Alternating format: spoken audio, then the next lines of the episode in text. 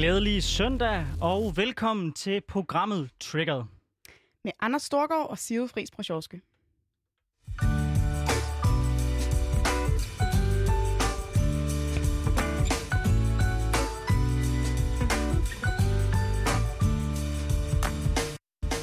Jamen, øh, det her, det er jo Trigger. Det er programmet, hvor vi vender det, de her ugens begivenheder, som vækker noget interessant i os. Vi prøver at vende og dreje dem og få både givet vores eget perspektiv, og så har vi inviteret gæster med udefra. Og når jeg siger give vores eget perspektiv, så er det fordi, at vi jo på ingen måde er journalistisk øh, neutrale eller øh, politiske øh, politisk neutrale øh, værter. Tværtimod, så lægger vi slet ikke skjult på, at vi hver især har stærke holdninger. Jeg har en baggrund i øh, Radikal Ungdom og Radikal Venstre, og Anders, du er heller ikke helt neutral. Nej, jeg er øh, landsformand for konservativ ungdom, og i dag der har vi nogle fantastiske gæster med. Vi har Karl Valentin, der er tidligere formand for SFU, nuværende medlem af Folketinget for SF, øh, og så er han øh, personligt veganer. Og så har vi Franziska Rosenkilde med, der er kultur- og fritidsborgmester i Københavns Kommune. Og senere, der får vi Ted Hui, der er parlamentsmedlem i Hongkong med, sammen med Thomas Roden, der er formand for Dansk Kina-kritisk Selskab. Så det bliver et vanvittigt spændende setup, vi har med i dag. Jeg glæder mig i hvert fald rigtig meget til at komme i gang. Så jeg har bare et spørgsmål, Sigrid. Hvad trigger dig? Jamen, øh, vores måde at debattere mad på trigger mig enormt meget. I den her uge, der fortalte øh, Veganerpartiet, at de har krydset den magiske grænse og ser ud til at blive opstillingsberettet til næste folketingsvalg. Og jeg tror helt ærligt, det er sundt for os alle sammen at stille spørgsmål ved den måde, vi spiser på. For den har altså konsekvenser. Den har konsekvenser for vores kroppe. For eksempel så er vores kødindtag en kendt årsag til flere kraftformer, hjertesygdomme og type 2-diabetes ifølge kraftens bekæmpelse. Så har det konsekvenser for vores klima. Lad os for eksempel skyld antage, at alle mennesker her på planeten blev veganere, så vil det betyde, at det globale landbrugsareal kunne reduceres med 75 procent. Det er altså et areal, der svarer til at være på størrelse med Kina, EU, USA og Australien til sammen. CO2-udledningen fra landbruget ville tilsvarende falde til det halve af det nuværende øh, niveau. Så der er altså set fra min stol kun gode argumenter for at debattere, hvordan vi kan skære ned på vores kødforbrug, eller måske endda helt fravælge animalske produkter. Men det er bare som om, at der er noget, der kortslutter, hver gang en veganer tager ordet i den offentlige debat. Folk bliver rasende. Der er ikke nogen, der bryder sig om, at andre fortæller, hvad man skal putte på sin tallerken. Jeg tror, det er, fordi vores måde at spise på handler om langt mere end blot det der med at indtage noget næring.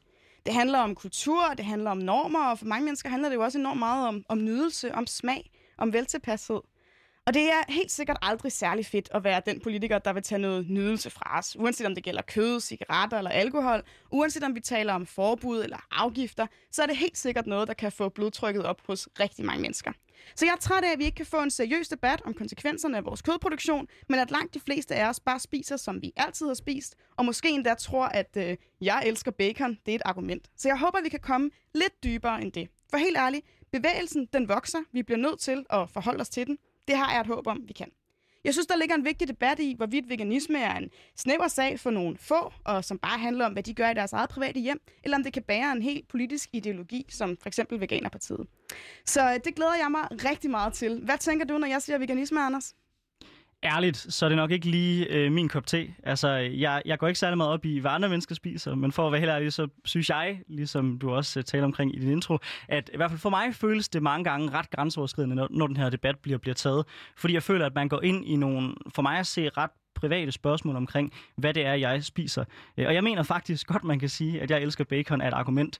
Hvorfor er det? Fordi det er da et argument, at hvis nogen får livsmening af noget, så skal de da have lov til at gøre det. På samme vis som, at når vi begynder at måle alting på, om det er sundt, når vi snakker alkohol, og vi begynder at jage unge mennesker, bare fordi de tager en øl med deres venner, så er det også et helt fair argument at sige, det her det betyder faktisk noget for mig. Det får jeg værdi af som menneske. Så jeg synes, det er et okay argument, og jeg glæder mig til den debat, vi kommer til at have her, hvor jeg nok fornemmer, at jeg kommer til at stå en lille smule alene. Ja, for der, jeg kan jo fortælle, at der fandtes også længe før Veganerpartiet så sit lys jo allerede nogle politiske stemmer i, øh, i debatten, som tager det her med vores kødforbrug op. Jeg har inviteret to af dem i studiet i dag, og som du nævnte, så er det altså Karl Valentin, som øh, politisk er både miljø- og fødevareordfører for SF i Folketinget, og så privat er han i øvrigt også veganer. Så er det Franziska Rosenkilde, som er kultur- og fritidsborgmester i København, valgt for Alternativet. Og ligesom Karl, så øh, skal hun kødet væk og, og lever øh, i det her tilfælde vegetarisk. Så jeg har glædet mig rigtig meget til at tale med jer. Velkommen til. Mange tak. tak. For det. Og jeg vil starte med at spørge jer, hvorfor I øh, fravælger at spise kød. Er det klima, miljø, dyrevelfærd, sundhed eller noget helt andet? Øh, Franziska, har du lyst til at lægge ud? Ja, altså noget af det, som, øh, som var motivationen for mig, kan man sige, det var helt klart politiske årsager. Øh, jo mere bevidst jeg blev, og jo mere vidende jeg blev omkring, at øh, de konsekvenser, vores øh, kødproduktion har globalt for klimaet, øh, der kunne jeg mærke, at jeg kunne ikke både være grøn politiker og kæmpe for en bæredygtig omstilling, og samtidig øh, spise så meget kød, som vi gør især i Danmark. Så, så i, i første omgang var det helt klart et politisk valg for mig omkring, øh, at øh, den klima dagsorden, jeg kæmper for, øh, for at begrænse øh, klimaforandringerne, der, der passer det ikke ind at spise kød på den måde, som vi producerer det i dag. Og så, øh, så kan man sige, jo længere tid der er gået, øh, jo flere år der er gået, jo mere er det også begyndt at handle om, øh, om sundhed, for det kan jeg tydeligt mærke på mig selv. Men også øh, det etiske i, altså hvordan vi behandler øh, levende dyr, simpelthen. Så, så det har været sådan en, øh, en proces, vil jeg sige, som, øh, som er blevet mere og mere øh, nuanceret. Øhm, så, øhm, så, det, så det var det, der i første omgang fik mig til at fravælge øh, animalske produkter. Interessant. Så hvis man gerne vil se en forandring, så må man ligesom starte med sig selv? Ja, det er sådan, jeg har det. Jeg er ikke øh, gået ind i politik for, for at blive politiker. Jeg er gået ind i politik for at ændre verden. Og det vil sige, der er nødt til at starte med mig selv. Og, øh, og derfor så, så, så klingede det hul for mig, at jeg går ud og taler om, om en grøn dagsorden, og så ikke selv efterlever den. Så, så det hang godt sammen for mig. Interessant. Og Karl, hvad motiverede dig til at, til at omlægge den måde, du, du spiser på? Det er selvfølgelig nogle af de samme årsager. Ikke? Altså, jeg har været politisk aktiv og klimaaktivist siden jeg var 14 år gammel, så derfor så lå det mig ikke særlig fjernt at øh, skære ned på kødet, da jeg begyndte at indse, hvor voldsomme konsekvenser øh, vores kødproduktion har øh, for, for klimaet og for miljøet. Øh, men det, der flyttede mig i sidste ende til at gå all the way og ligefrem blive veganer og træffe øh, det valg, som er et ret stort valg, fordi man skiller sig meget ud fra øh, sådan den gængse øh, holdning til de her spørgsmål. Men det var det etiske i det. Altså, da jeg satte mig ind i, hvor voldsomme konsekvenser den her produktion har for dyrene, da jeg begyndte at overveje, om man overhovedet kunne tillade sig at tage et andet levende, sansende væsens liv, øh, med det, øh, synes jeg, ret sølle argument, at man selv får noget ud af det øh, ved sin smagsløg, ikke? og man synes, det, det er lækkert at spise. Kan man virkelig forsvare det? Altså, da jeg ikke kunne forsvare det længere, så, så tænkte jeg, jeg blev nødt til at droppe det her. Så startede jeg med at blive vegetar og var det i et års tid, og det har så også rigtig har sat mig ind i mælkeindustriens konsekvenser for køerne, hvor man adskiller ko og kalv 12-24 timer efter fødslen, æggeindustrien, der er voldsom for, for hønsene også, jamen så, så kottede jeg det hele, og, og nu lever jeg vegansk og er rigtig glad for det. Interessant, og jeg kan allerede se, at du står og tripper lidt, Anders. Er, er det fordi, det er helt sort snak for dig, det her? Nej, øh, for mig er det som sådan ikke sort snak. For mig er det mere et spørgsmål om, at når vi fx snakker klima, som er det ene argument, der, der er kommet, så synes jeg jo, at meget af det kan man løse ved at lægge en beskatning på drivhusgasser. Mm. Så der er bedre måder, hvorpå man kan sørge for, at prisen, som det er for klimaet, bliver afspejlet i prisen. Det synes jeg er en bedre måde at ordne det på, end at bestemme, hvorvidt folk skal spise kød eller ej. Og så er der hele det etiske spørgsmål, som du bringer op, Karl, som, som jeg synes jo er interessant, men hvor vi nok også meget hurtigt kommer ud i en større filosofisk øh, diskussion omkring, hvad er forskellen på mennesker og dyr, mm. og gør det, vi har nogle særlige behov for at gøre det ene eller det andet. Jeg vil sige, og jeg har det sådan generelt politisk, at for mig, der er der bare rigtig, rigtig mange spørgsmål, der kommer før, før dyr. Jeg synes ikke, dyr skal udsættes for unødvendig harme, men samtidig så har jeg også den grundlæggende holdning, at, at jeg synes, det er lidt first world problem at tale omkring, at dyr har det hårdt i industrien, mens vi ser folk, der øh, dør af sult i andre lande. Og det er ikke what about it, som det er simpelthen et spørgsmål omkring, når vi skal vælge mellem, hvad de største udfordringer er, så kommer det bare ret langt ned på min, på, på min liste. Men kan man ordne måde, hvorpå vi kan sørge for at have en kødindustri uden at mishandle dyrene, så er det bestemt den retning, vi skal gå. Men Anders, jeg kan ikke se, hvorfor du skal sætte et sådan... Øh, sætte det op på den måde, at vi skal vælge mellem og vi vil sikre, at dyr har et godt liv, og vi vil have, at mennesker har et godt liv. Altså man kan jo sagtens være veganer, og så samtidig kæmpe for gratis psykologhjælp til de mange mennesker, som er ramt af psykiske lidelser. Man kan sagtens være veganer og bekæmpe global fattigdom. Man kan være veganer og bekæmpe klimaforandringer. Det spiller endda rigtig godt sammen. Altså, jeg kan ikke se, hvorfor at vi skal vælge mellem de her forskellige ting. Der er, øh, det er jo også en, en pointe, som øh, filosofen Peter Singer har, har påpeget. Han har i mange år øh, været en øh, stor øh, øh, forkæmper for menneskerettigheder, samtidig med, at han har levet vegansk og kæmpet dyrenes sag. Så jeg synes ikke, at man skal stille det op på den måde. Derudover så er jeg fuldstændig enig med det, du siger, Anders, i forhold til, øh, at øh, skat er et vigtigt område i forhold til det her. Altså, jeg mener så afgjort, at vi skal indføre en klimaskat, der sikrer, at det langt bedre øh, kan betale sig at vælge de bæredygtige løsninger til, uagtet om det så handler om transport, om det handler om madvaner, hvad det nu er. Og det kæmper vi jo også for i Folketinget i SF. Så det synes jeg sådan set bare, øh, bare er et godt skridt på vejen. Ja, man kan sige, du, Francisca, er måske også et eksempel på, at øh, der er måske mange, der tænker, at veganisme og fødevare rimer det på kultur- og fritidsborgmester, men du har alligevel sat dig nogle øh, ambitioner for, hvordan Københavns Kommune måske skal reducere deres, øh, deres øh, CO2-udledninger. Vil du ikke sætte et par ord på det? Jo, men det, det var i virkeligheden også et arbejde, jeg satte sat i gang, før jeg blev kultur- og fritidsborgmester. Øh, og det er jo fordi, at øh, jeg synes, at fødevarepolitik er generelt alt for nedprioriteret i Danmark, og også i kommunerne, øh, fordi det har en kæmpe effekt på vores sundhed og vores produktion og måde, vi forbruger på, som hænger rigtig meget sammen med, med klima øh, og folkesundhed. Så derfor så synes jeg, det var meget vigtigt, at vi i Københavns Kommune, som serverer 70.000 måltider om dagen, tager politisk stilling til, hvad er det for noget mad, som vi serverer. Og det har kommunen, det har København heldigvis været ambitiøse med i mange år i forhold til økologi. Så det var så meget naturligt, at at ligesom oven på det at tænke en klima- og bæredygtig dagsorden med indover. Og der synes jeg, det er enormt vigtigt det her med det, det frie valg og det personlige valg, hvor jeg som politiker er ikke interesseret i at gå ud og sige, hvad du skal spise. Men jeg er interesseret i, at vi politisk øh, har en holdning til, hvad vi serverer. Og derigennem kan vi inspirere, opmuntre og uddanne dig i, hvad er god grøn mad? Fordi det er det, der er fremtiden. Fordi at vi kan ikke isolere en, en, en, en dyreproduktion og sige, hvis vi bare kan gøre den øh, bæredygtigt, så kan vi leve, som vi plejer. Fordi den her, det her indtag af dyr, det har også noget med folkesundheden at gøre.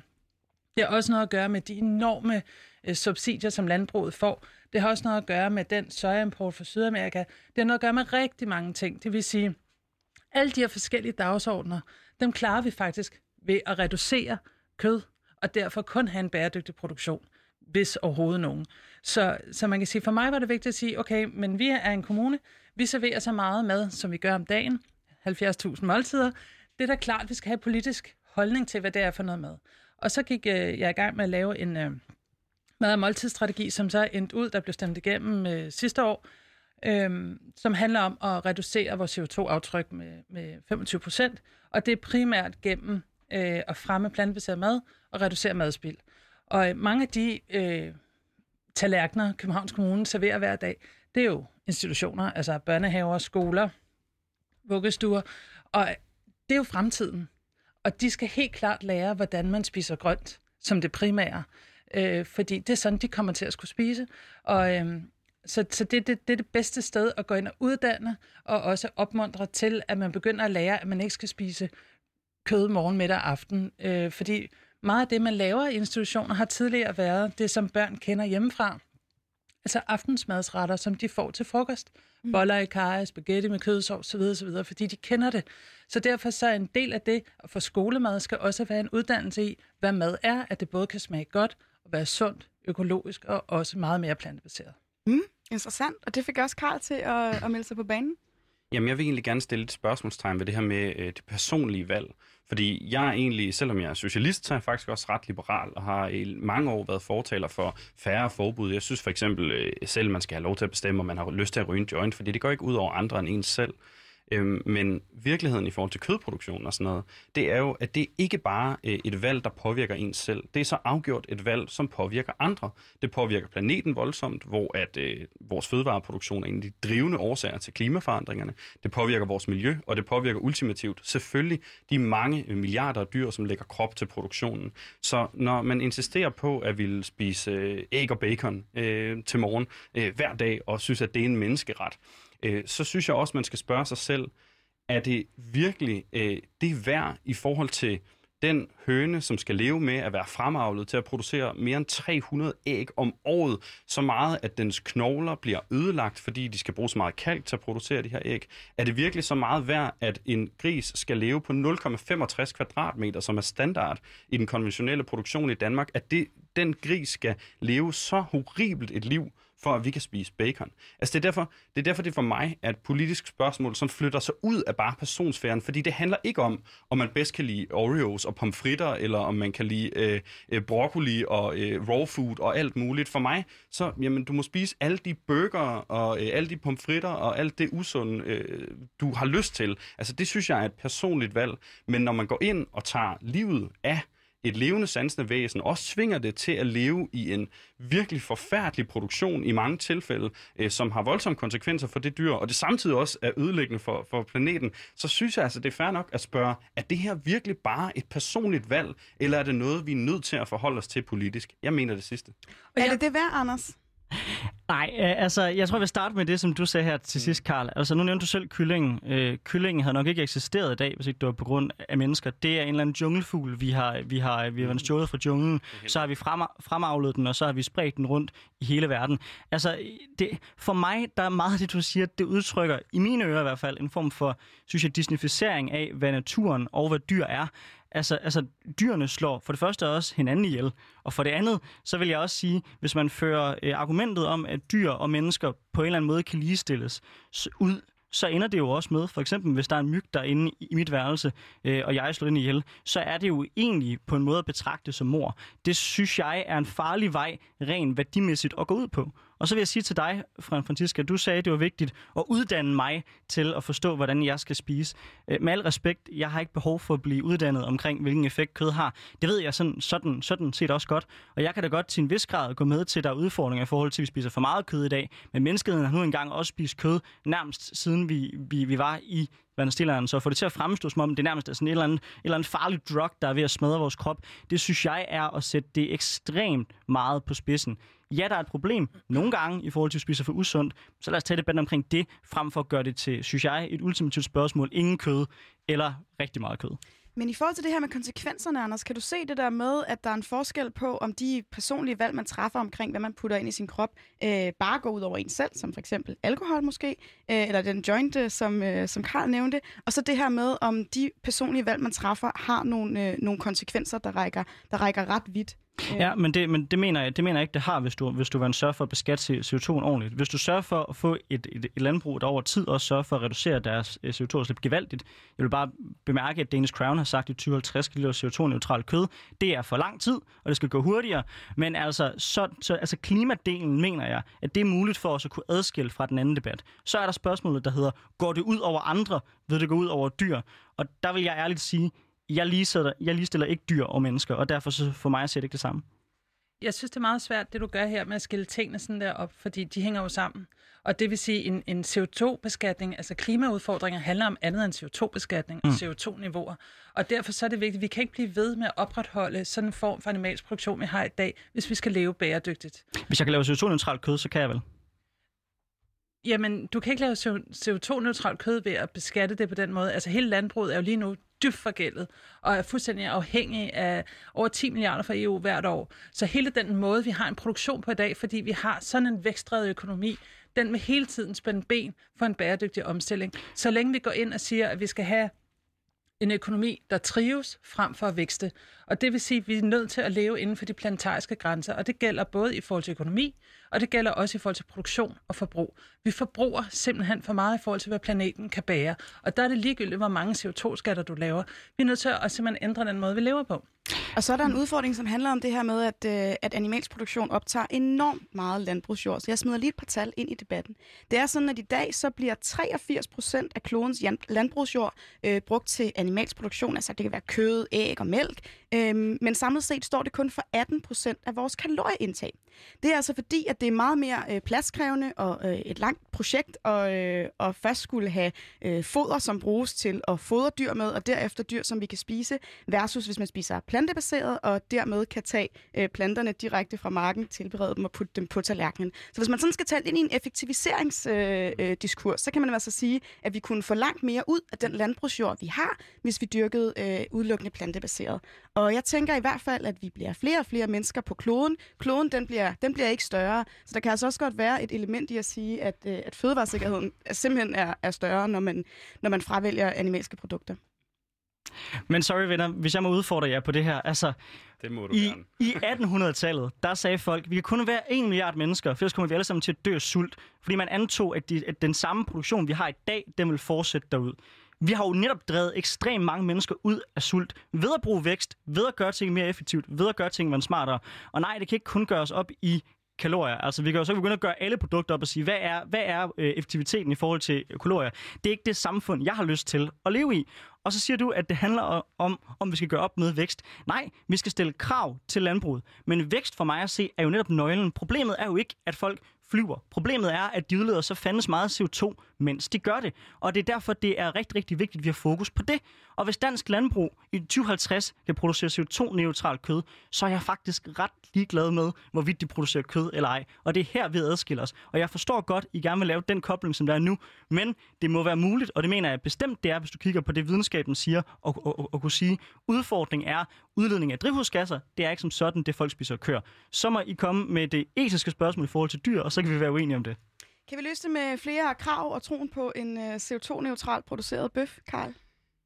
Jeg er faktisk ikke helt så afvisende over for det sidste. Jeg vil dog sige, at en CO2-neutral bøf i fremtiden, tror jeg ikke kommer til at komme fra dyr den kommer til at øh, blive øh, lavet i et laboratorie. Og derfor så synes jeg faktisk ikke, at det her med den teknologiske udvikling, det er så far out, Anders. Jeg synes egentlig, det giver meget god mening, som du snakker om. Jeg tror bare, at det vi skal gøre for politisk hold, det er for det første at sikre at ændre folks kostvaner, så de bliver mere bæredygtige, og derudover investere massivt i de teknologiske løsninger, som du også snakker om, har været drivende gennem historien. Jeg tror rigtig meget på, at vi i fremtiden kommer til at lave mælk i fermenteringstanke, at vi kommer til at lave øh, kød i laboratorier, øh, så vi helt kan få dyrene ud af produktionen. Og det er jo etisk set fremragende. Det er klimamæssigt fuldstændig fantastisk. Og i forhold til, om man synes, det er lækkert, så tror jeg også bare, det er en barriere, folk de skal over. Jeg bliver nødt til at hive fat i nogle af de argumenter, du havde før, Anders, fordi jeg synes, øh, der er nogle af dem, der er virkelig nogle klassikere. Du nævner det her med, at øh, dyr slår andre dyr ihjel i naturen. Det er fuldstændig rigtigt, men forskellen på mennesker og andre dyr er jo også, at vi er moralske agenter.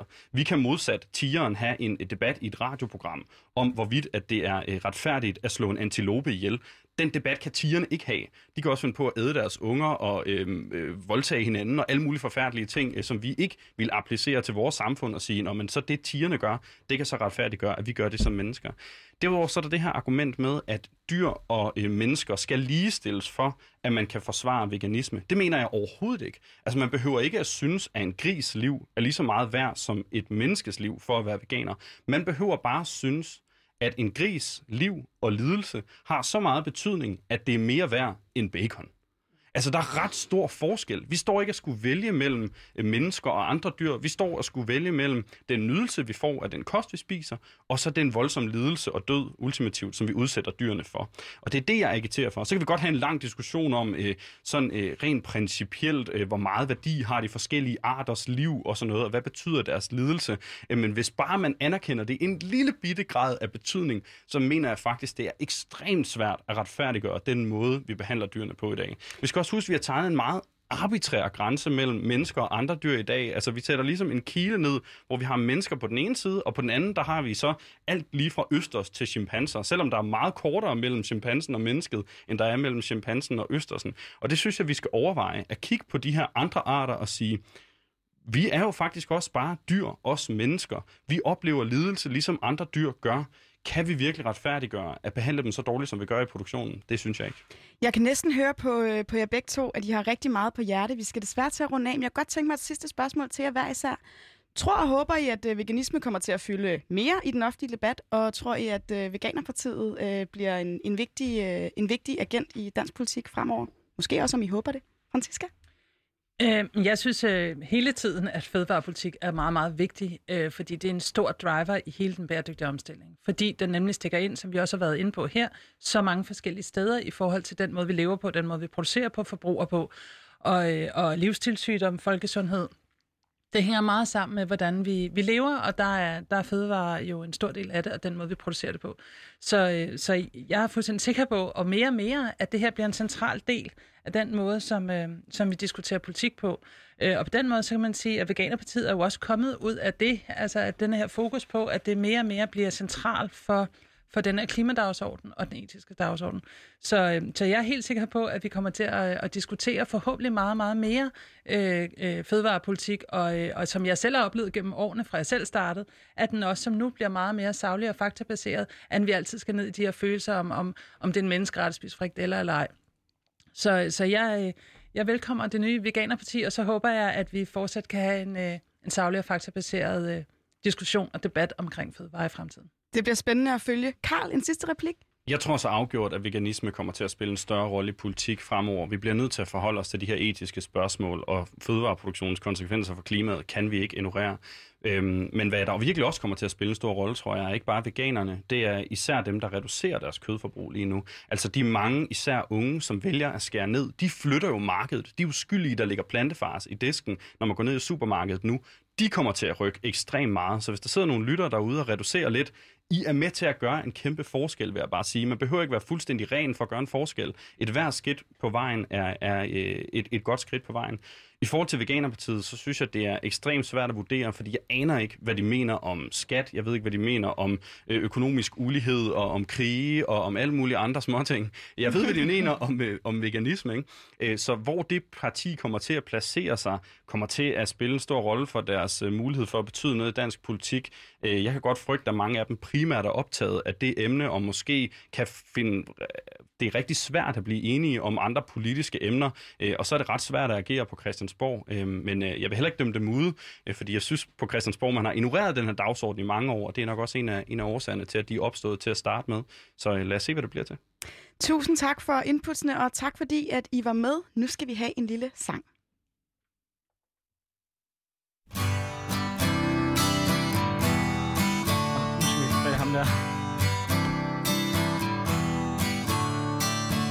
Don't you know? Talking about a revolution. Sounds like a whisper. Don't you know? We're talking about a revolution. Sounds like a whisper. While they're standing in the welfare lines, crying at the doorsteps of those armies of salvation, wasting time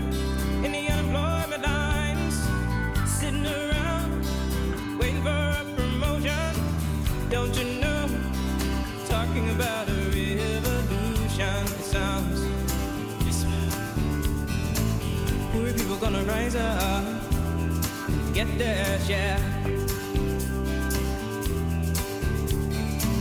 Poor people gonna rise up and take what's theirs.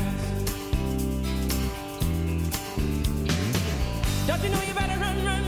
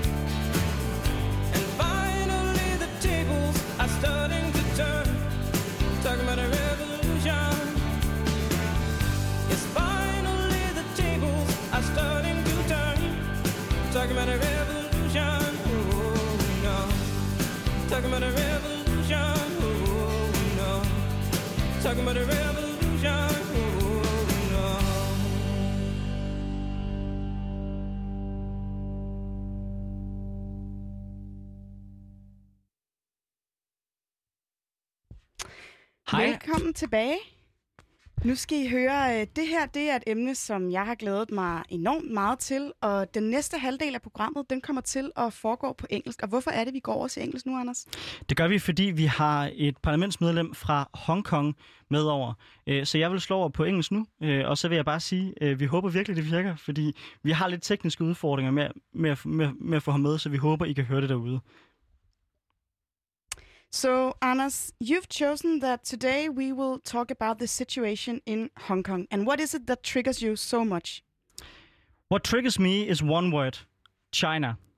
Because r- right now, as we're speaking, young people just like you and I, who dream of nothing else than to live free, to debate freely, and to decide their own future in Hong Kong, are being violently suppressed by a totalitarian dictatorship. And what is our reaction as a modern democracy that says that it values human rights, democracy, and freedom? Silence. Because we are too afraid of China's economic power to say what we truly believe and to stand up for our values. But if our values are truly values, then why will we risk nothing for them?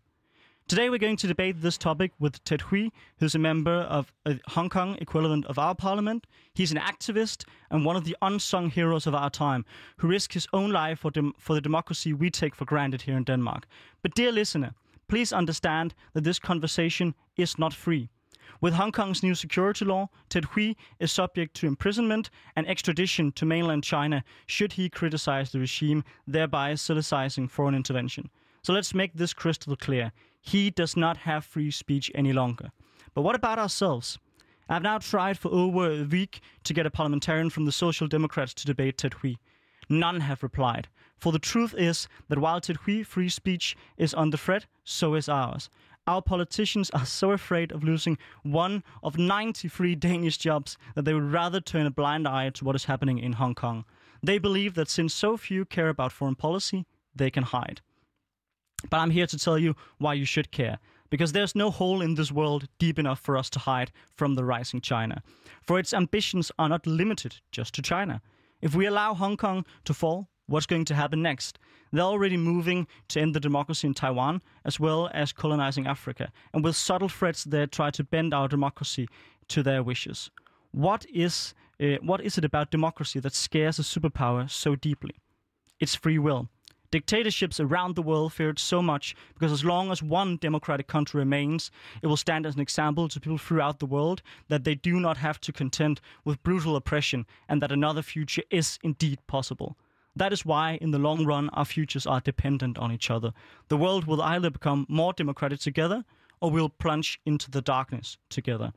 As I said at our Hong Kong demonstration a couple of days ago, where I borrowed from a Danish folk song, May you never lose heart and let evil go unchallenged. When the will is free, even the greatest power shall fall. That is our aim today, and I would like nothing more than to see a democratic China to join the free nations of this world. But Cyril, what do you think? What a topic. I think that this really sets the scene for how much we take for granted here in Denmark.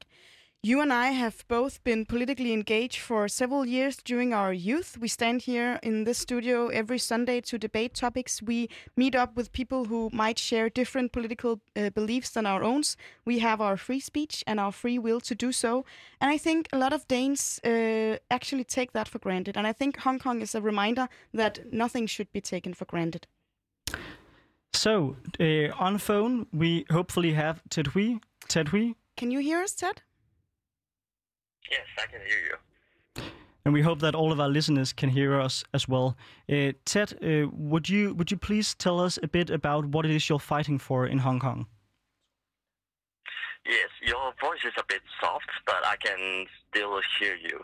Uh, yes, I'm Ted Hui, and I'm from the Democratic Party of Hong Kong.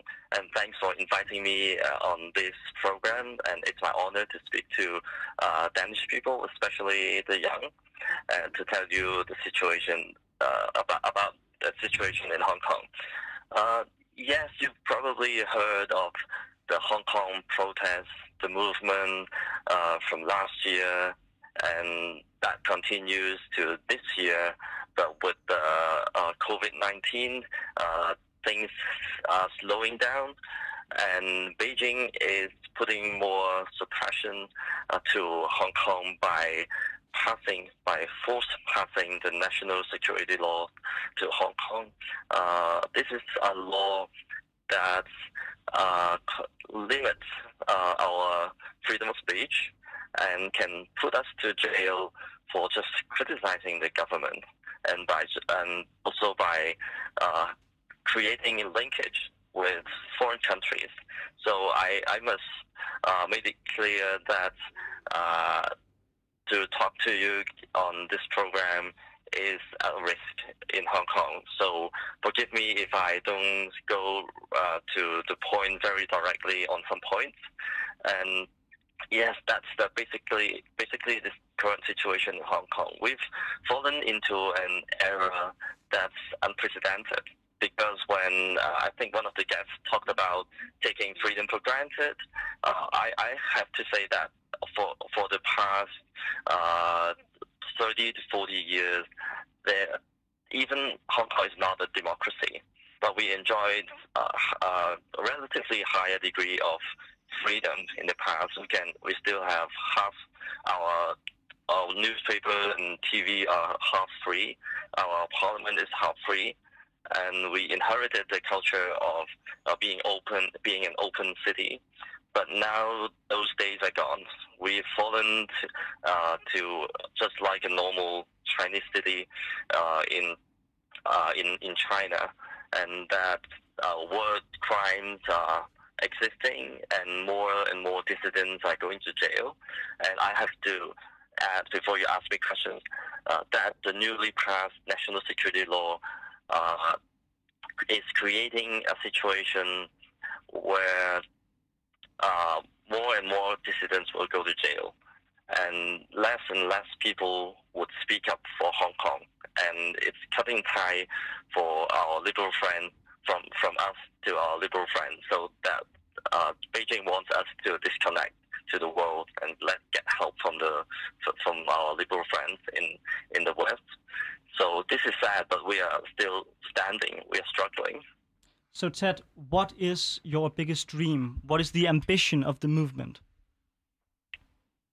the ambitions, there are quite a few demands in in our movement from last year. Uh, when you see young people are fighting so hard in, in the streets against police brutality, what we want is basically just uh, freedom, free speech, and then a free and fair elections, and one man, one vote uh, for our legislature and for our uh, the head of Hong Kong. And uh, there are rumors or Beijing propaganda is shaping us as separatists and fighting for independence. And I would say that would not be the original intent of our any movement in Hong Kong. We in Hong Kong, people want freedom and democracy and our human rights protected. Uh, it's only after long, uh, long repressions uh, by Beijing and by the Hong Kong government and by the police that some young people have turned more radical. And so I, I totally understand sentiment. I pity them, and and we, I stand with them and fight together with them. So we'll return to uh, Ted in a moment, but before that, uh, I will give the word to Thomas Rodin, which is the chairman of uh, the Danish China Critical Society, uh, and he dares to speak out for what he believes in, which is fantastic. Now that the Social Democrats did not have time to come today. Yeah, and uh, and and I have uh, the possibility to speak out because that's something that that Ted doesn't. Um, and and I think that that what he says here today actually is pretty interesting because the movement in Hong Kong didn't start as a separatist movement; it started as a democracy movement. But because the Chinese government have pulled the Hong Kongers so far away from them, now people want also uh, to be um, independent and have their own country. Some of the young people do. So I actually think that that the Chinese government have made things even worse for themselves in Hong Kong. So what you're saying is that the violence of the Be- Beijing regime has actually uh, made people even more radicalized. Yeah, I think so because when you have fair political demands, demands that were put up in uh, in in the the bill that was agreed on by Britain and China, uh, and the Chinese government don't want to proceed with with with a progressive development of these uh, these goals, then uh, what is going to happen is that that uh, when you can't get through with your goals and and uh, all the time the Chinese government is is uh, is going down on you, uh, then uh, people get upset and then they want uh, uh, uh, to get free from China because they see China as the thing that stands in the way from their freedom. So in your opinion, what should the Danish government do? How should we react? I think that uh, there's need to we need to have a few reactions. Um, for the first, we have extradition bill with Hong Kong. We need to quit that, uh, and then I think we need to stand up in the European Union to say that uh, uh, to go together with Sweden, for example, who said that we need to make sanctions on uh, China because of the things they're doing in Hong Kong. for example, in the US, they say that if Hong Kong don't have these liberal freedoms, then they can't have privileges on trade. And so I think we should do the same in Europe, say that privileges on freedom and privileges on trade, they go hand in hand. So, uh, Ted Hui, uh, I know I know that you may not be able to uh, to ask uh, to so answer directly on this question, but I will uh, ask it anyway, which is, uh, if anything, what would you like us as young people here in Denmark or the government in Denmark to do? How can we help your uh, your goal of establishing a, a, well functioning democracy? Yep. Uh, thanks for this. Um, I think an easy task for Danish people and from, for people in, in Europe to do is to clarify and verify what the Beijing propaganda is and to see uh, beyond the surface because Beijing would be uh, shaping us as very violent, as that we are rioters and we don't care, uh, we are breaching the peace and for taking it to the streets and uh, destroying the economy. But uh, none of it is true. I, I, I hope people from the West will see that uh, we are, uh, despite some uh, relatively radical actions made by young people, but we are in general peaceful movements. So you haven't seen anyone died in the movement, and you haven't seen uh, one uh, poli- police officer being killed. So I, I hope that, that people uh, see beyond the surface and don't believe the Beijing propaganda, and that's uh, the easiest task uh, that you can do. I think secondly, uh, to see uh, Hong to see more deeply in Hong Kong uh, what the situation is like. The situation is that we are the, the freedoms that are so limited in Hong Kong with the new uh, national security legislation made us almost the situation like in Iran, in North Korea. We, I'm, I'm not saying that we are equivalent, but we are uh, just one step uh, uh, closer to that situation, in which I'll tell you that uh, Beijing uh, secretive intelligence and enforcement forces are in place in Hong Kong, and they are not accountable to any laws. Uh, the law says that they are not accountable to the laws of Hong Kong, and then they are not accountable to the legislature. They, we don't know what whether these conversations we're having will be uh, overheard and by uh, covered, you know, uh, uh, intelligence or enforcement people. The situation is like that. So uh, maybe after a year or in a few months, they would arrest me for the reason of talking to Danish people over this program. So I don't know, but it's still important for me to speak out because I don't want the world to uh, to be tricked. So uh, regarding regarding sanctions and what uh, foreign governments can do, yes, I cannot say directly because it will be it's already criminalized for for so-called soliciting foreign intervention. But uh, one thing you you can notice is that uh, the world is uh, setting China alone, and it's working. Uh, after the sanctions by the U.S. of individual sanctions over the head of Hong Kong and the top high officials, and it's making uh, the this tyranny a lot of trouble. And I, I think it might not be helping Hong Kong people very directly or giving us freedom uh, in just, just like in a in a in a click. But then we understand that uh, we have we do have uh, liberal friends uh, that are connected with us and international community and friends that are more that have more interest in other than trading with us, but uh, believing in the liberal values and democratic values and rights that we really treasure, and uh, this motivates us, motivates us, and it's uh, it's taking us one step closer to to freedom in the long run. And thank you so much for speaking up and actually uh, fighting for, for the ideals you believe in, even though it's endangering you. Uh, Thomas, would you like to comment?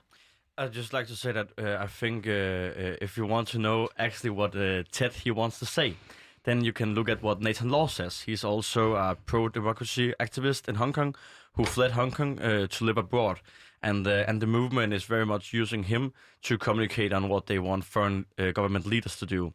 One of the things that they also uh, would like us to do is to make sure that that these uh, uh, democracy uh, fighters can actually seek asylum uh, abroad uh, if they need to. And uh, I think that the reason the Social Democrats don't want to be here today is because that they just made uh, uh, uh, uh a statement in the European Union says that these uh, that all European countries should do this. Uh, but now they're trying to run from it and say that oh maybe it's not yet and we will maybe look at it later and so on. So so the Danish government actually don't want to I don't think they know what they're going to do on, on this uh, matter, and, and the big problem is that uh, uh, this is a, a a gateway in the in the China policy that has been don't say anything uh, and thereby earn some money. Ted Hui, uh, I will leave you with the last comment. Uh, and the last question I have for you is if you have any message to young people listening to this program, um, what would that be? And why should they care for the freedom of Hong Kong? I know it's a difficult question, but I would like your perspective on this question. Yeah, thanks for all the questions. Yes, it can be tough for me to answer with the situation in Hong Kong. Um, I would say um, I'm, I'm not sure if all of you no, all of you noticed that not long ago I visited uh, Denmark and were in the uh, Danish Parliament and outside the Danish Parliament and there, there, there were uh, there was the Pillar of Shame. I think it's gone by now, right?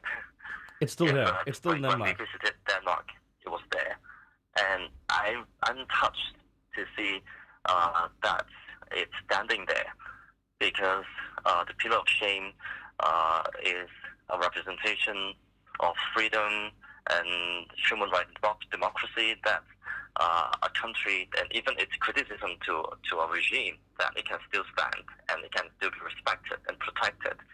And that's exactly the thing that we lack in Hong Kong. And we, and so uh, we were touched to see that oh, at least uh, somewhere in the world um, there's a place for uh, that speaks for Hong Kong's freedom.